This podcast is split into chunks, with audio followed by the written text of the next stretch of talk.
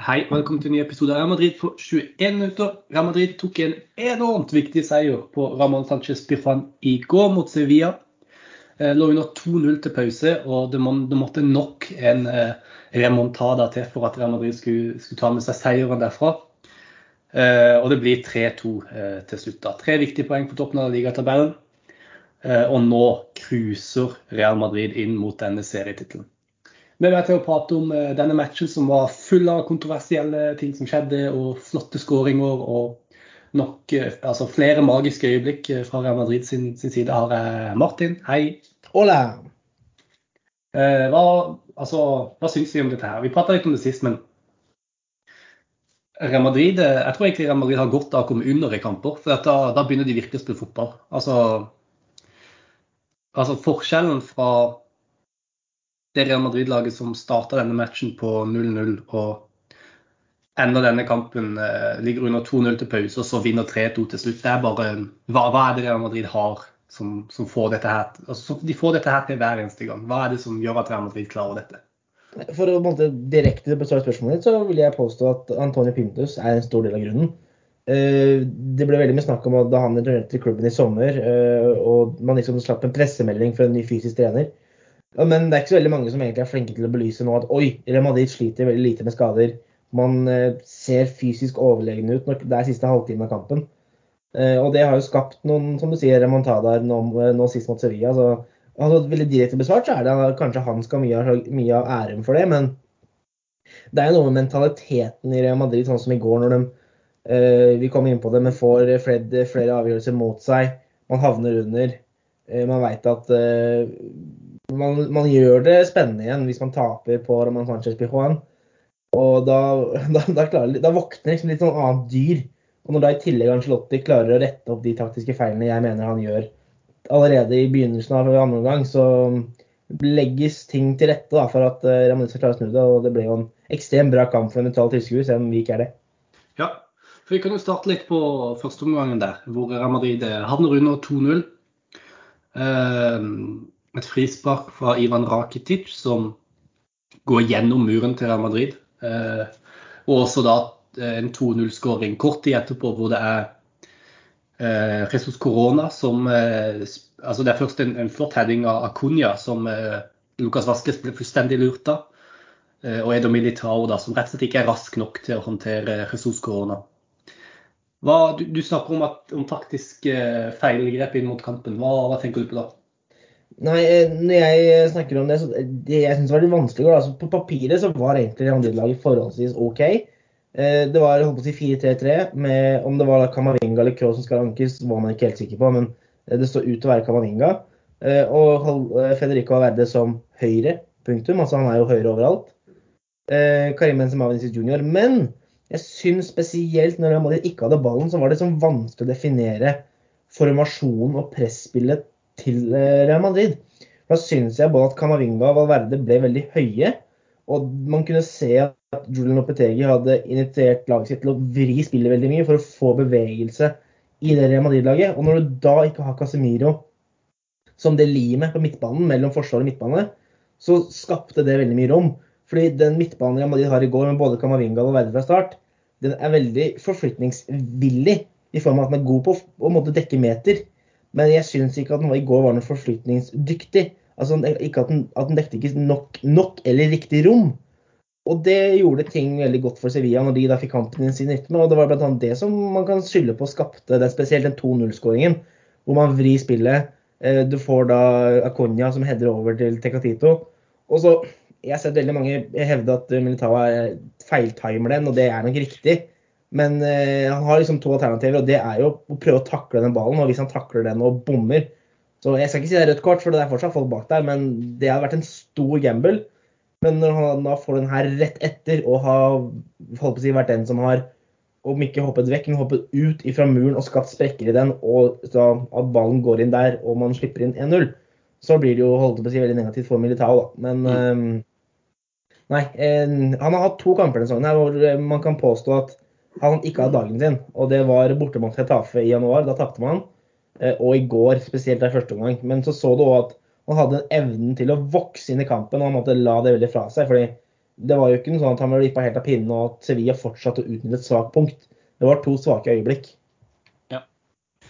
Jeg er enig, eh, og jeg syns det er veldig fint at du trekker fram uh, altså Den første skåringa er det jo ikke noe tvil. Jeg skjønner ikke hva Militao driver med der. Det er jo kanskje en del av det som er hans spillstil, da, det som definerer han litt som spiller, at han er offensiv, han er aggressiv. ikke sant? Uh, skulle sikkert fram for å blokkere den ballen, og så ødelegger han fullstendig strukturen i muren. Uh, og det er jo et forferdelig dårlig frispark. Den går jo rett i muren hvis han står der. Så skikkelig unødvendig. Men den andre så er jeg enig med deg at uh, det er mer hele strukturen defensivt som er problemet, mer enn nødvendigvis bare Militao. Vi er så vant til å se Militao gjøre fantastiske taklinger og reddende aksjoner um, i sånn én-mot-én mot, uh, raske angrepsspillere. Um, at vi nesten glemmer litt at det er jo en duell en angrepsspiller elsker. ikke sant? En sånn én-mot-én-duell. Uh, og så kan du si ja, han tima det litt feil, kanskje burde posisjonert seg litt bedre. Uh, burde vært raskere over til å hjelpe Lukas Vaskes. Men det gjelder hele laget. Det er for dårlige eh, forskyvninger, og du ser at Real Madrid mangler sin kanskje viktigste defensive spiller i Casemiro når du ser måten Tony Cross er på det målet. Eh, jeg anbefaler alle til å bare se den skåringa en gang til og følge med på hva Tony Cross gjør. Casemiro er ekstremt god på å legge seg ned som en tredje midtstopper. Eh, når disse raske spiller eh, Altså disse raske mm, sideendringene av spill kommer fra, fra motstanderne, sånn at Real Madrid eh, klarer å forsvare boks med tre midtstoppere. Det gjør ikke Kroos i det hele tatt. Militao er nok vant til at Casemiro gjør det. ikke sant? Derfor kan han trekke over og være litt aggressiv. Kroos gjør ikke det. Kroos hadde antageligvis vært i sikring Nei, Casemiro hadde vært i sikring bak Militao. Casemiro hadde også vært der for å hindre den pasninga som kommer fra Jesus Corona ut til Lamela. Uh, der er Kroos altfor passiv. Um, så jeg syns det er vel så mye Tony Kroos og det å bruke han som anker da, som er problemet der. Og det syns jeg jo uh, er et godt eksempel på hvorfor Casemiro for det første er uerstattelig i laget. Og for det andre hvorfor man må endre litt måten å spille på når man ikke har Casemiro på banen. Man er avhengig av å kontrollere Hvis man skal bruke Kroos som anker, så er man avhengig av å kontrollere kampen. Man må ha mye høyere pasningsprestasjon enn det mange Real Madrid-spillere hadde i går. Eh, og man er nødt til å vinne ballen høyere opp i banen sånn at Kroos slipper å gjøre de defensive aksjonene der. For der er han rett og slett ikke god nok. Det så man jo veldig godt i andre omgang, når Real da fikk et, etablert et press. og Da hadde Kroos som den quarterbacken ballfordeler, og da mm. fikk Real da igjen De fikk ballen såpass fort i andre enden igjen at uh, Sevilla ble til tider helt kvalt. Ja, riktig.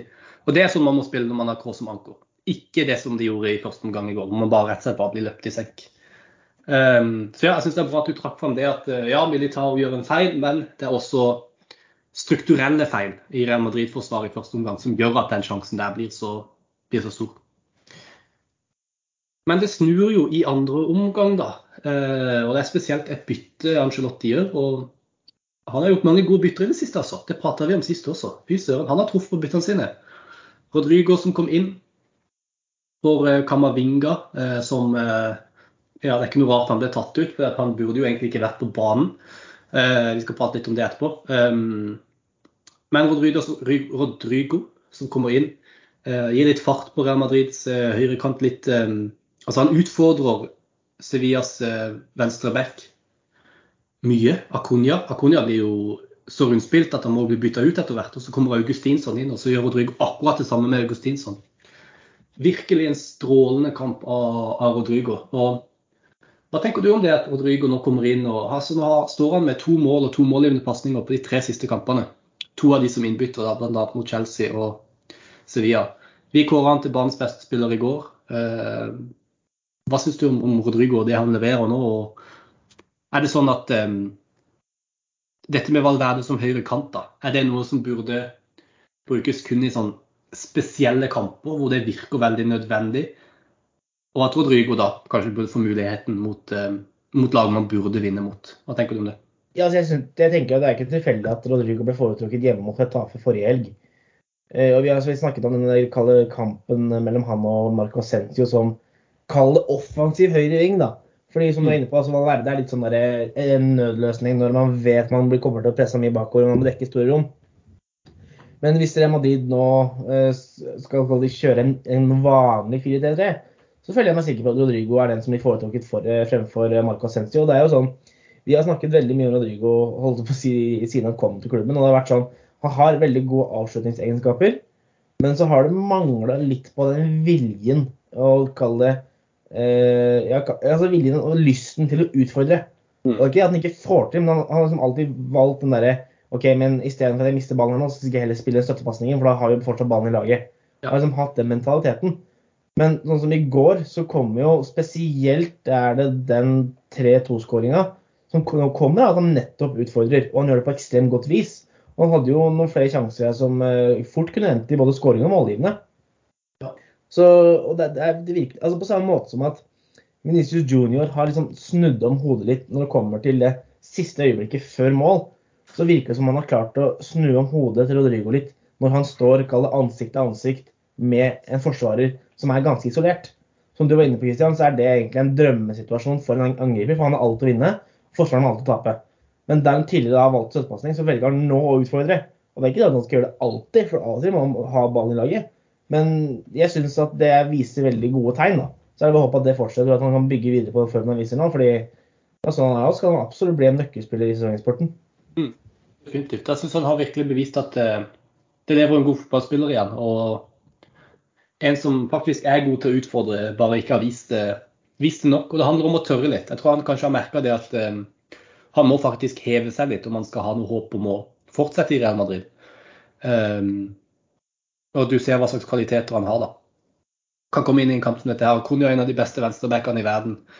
Um, fullstendig frigjort i første omgang, kunne gjøre akkurat hva han ville. Så kommer Rodrigo inn, og du merker at hele hele mentaliteten til en venstreback som Akunya endrer seg når han får Rodrigo som utfordrer og utfordrer og kommer forbi eh, flere, ganger, flere ganger. og Virkelig en god kamp av, Rodrigo.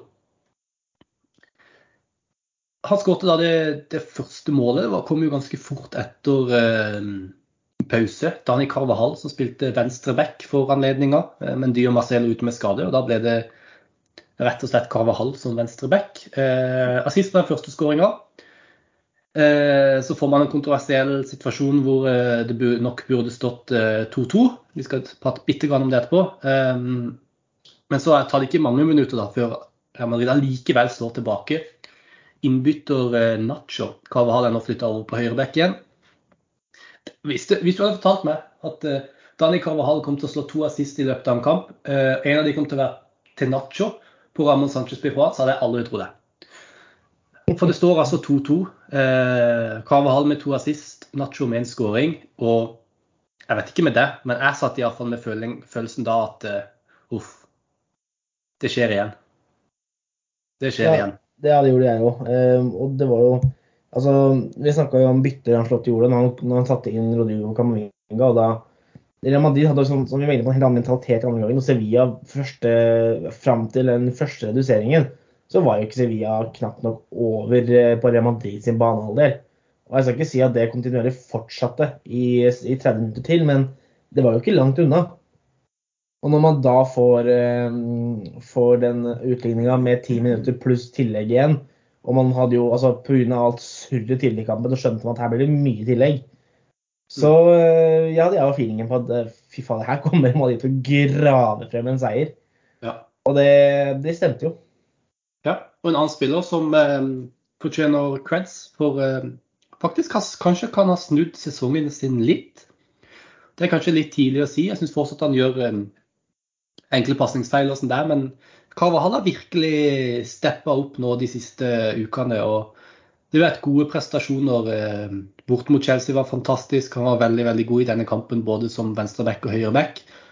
Eh, mot Chelsea nå på forrige tirsdag så var han eh, svak som back, men god som midtstopper. Hva, hva, hva, tenker du om Carvahall? Er, er, er han i ferd med å snu sesongen sin litt, eller er, det, er, du litt som meg og tenker at det er litt tidlig å si, kanskje?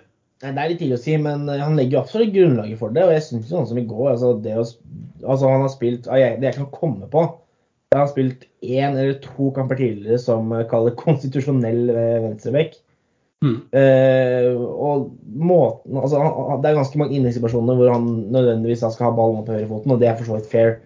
Men måten han ellers opptrer, er jo egentlig veldig bra. Og spesielt den første skåringen til Rodrigo er jo Altså Det er som å se Marcelo sine fine dager når det kommer til liksom løp og pasningssikkerhet og valg og alt det der i boks. Mm. Så nei, altså det er bare å fortsette med den formen han har nå. For han har fått veldig mye rettmessig kritikk denne sesongen her. Men uh, det er jo litt sånn Real Madrid-DNA, da. At man uh, når liksom når kalenderen viser april og det begynner å lukte litt vår, da, da skrur vi virkelig på. Mm. Definitivt. Og snakk om Real Madrid-DNA. Det er jo, finnes ikke noe mer forutsigbart enn at det er nettopp eh, Karim Benzema som setter inn eh, den avgjørende skåringa på slutten. Han har avgjort alle disse tre remontadene nå eh, med siste skåringa, og ja, det, det, bare måtte skje. Selv Han hadde bomma på en del sjanser tidligere i kampen. Bomma jo på en Nesten litt overraska over at han bomma på den store sjansen i første omgang der alene med, med Bono. Men når det virkelig gjaldt, da var det null tvil. Flott forarbeid av både Venicius og Rodrigo. Godt eksempel på at du ser Rodrigo utfordre.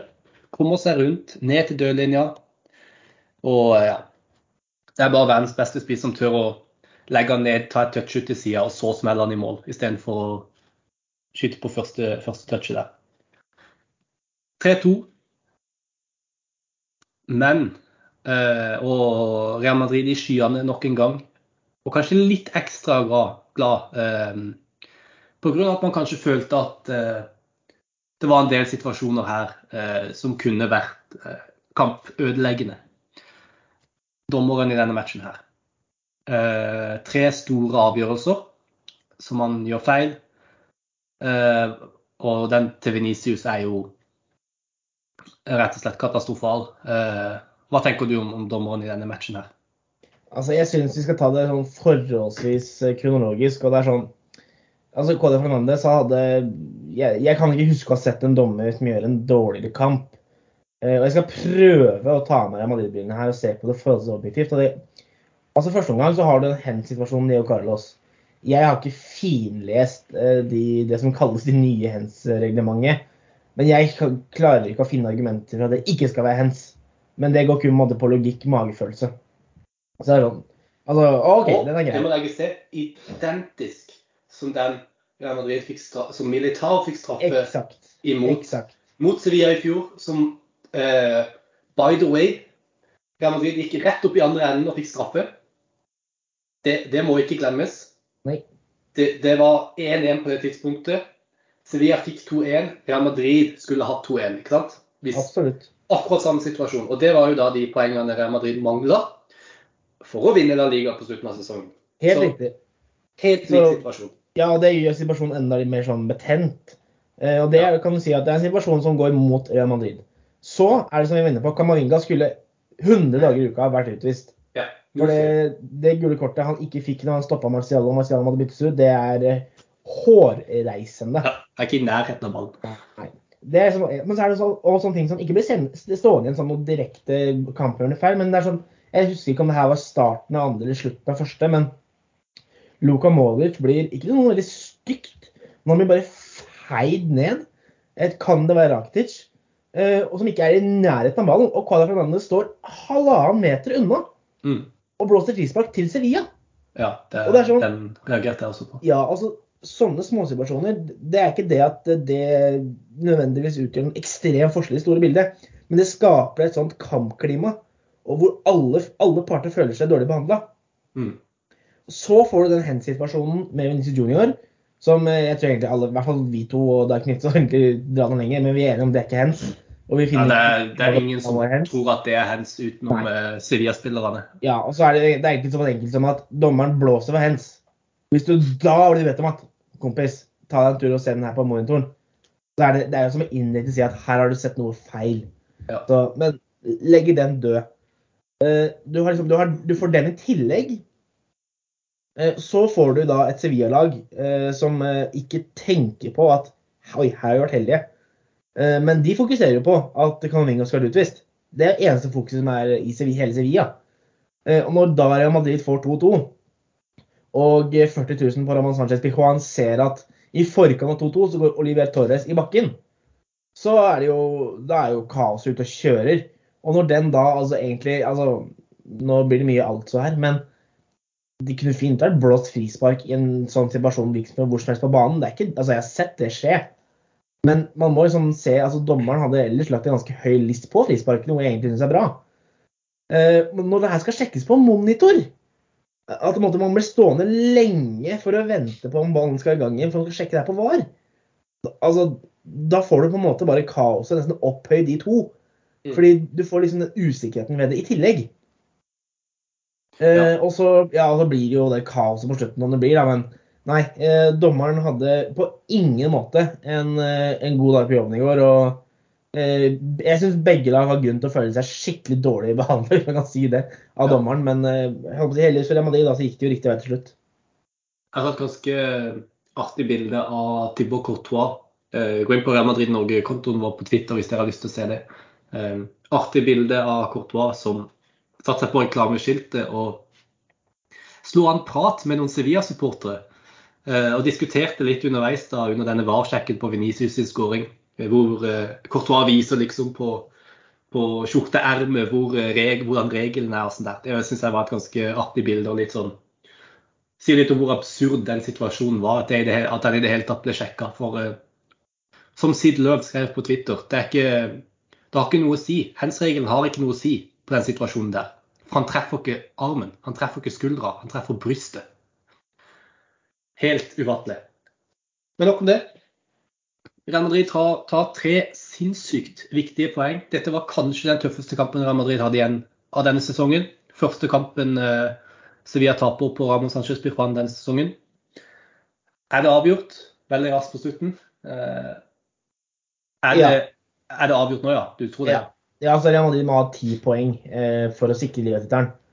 Eh, og eh, da tenker man eh, Nå har ikke jeg hodet hvor mange kamper det er igjen, men det er i hvert fall fem. Og så skal Real Madrid må da vinne tre kamper som er igjen, og da én uavgjort. Det er jo mer enn fem kamper igjen også. Eh, så ja, det er avgjort. Nå har man vel allerede midtukekamp mot Osasona. Så har man eh, etter hvert Atletico Madrid borte, man har Spanjol hjemme, man har Real Betis. Så nei, jeg, jeg tør påstå det er avgjort. Ja. Så er det veldig skummelt å si, men ja, jeg tror det. Man har råd til å tape to kamper og spille én uavgjort og fortsatt vinne Nei, det er det ikke. Man har råd til å tape uh, Jo, man har råd til å tape to kamper og spille én uavgjort og fortsatt vinne. Er det ikke sånn? Og det er jo, når du ser på kampprogrammet Real Madrid har igjen, så er det jo Det ser jo lyst ut. Ja, det, er, det, er, det, er, seks kamper igjen, og man må vinne to av dem og ha én uavgjort. Ja. Så man ser ja. seriemester. Så um, det ser lyst ut. Barcelona ser ikke ut som eh, Altså, de sliter litt om dagen, de også. Eh, så det ser uh, godt ut. Men det var det vi hadde tid til i dag. Takk for at du var med i dag, som alltid. Det var en sann glede.